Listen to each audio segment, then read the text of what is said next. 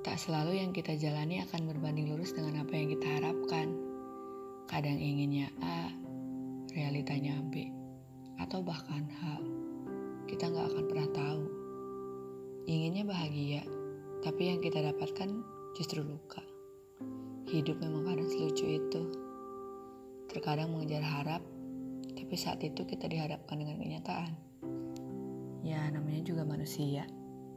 Kita hanya mampu berusaha selebihnya bukan lagi urusan kita. Sama halnya dengan kehilangan. Seberapa erat kamu menggenggam, ketika semesta berkehendak, maka akan begitu mudah terlepas. Tak peduli semuanya terlihat baik-baik saja. Jika waktunya pergi, maka akan terjadi. Tak peduli seberapa sakit, semuanya tetap akan terjadi.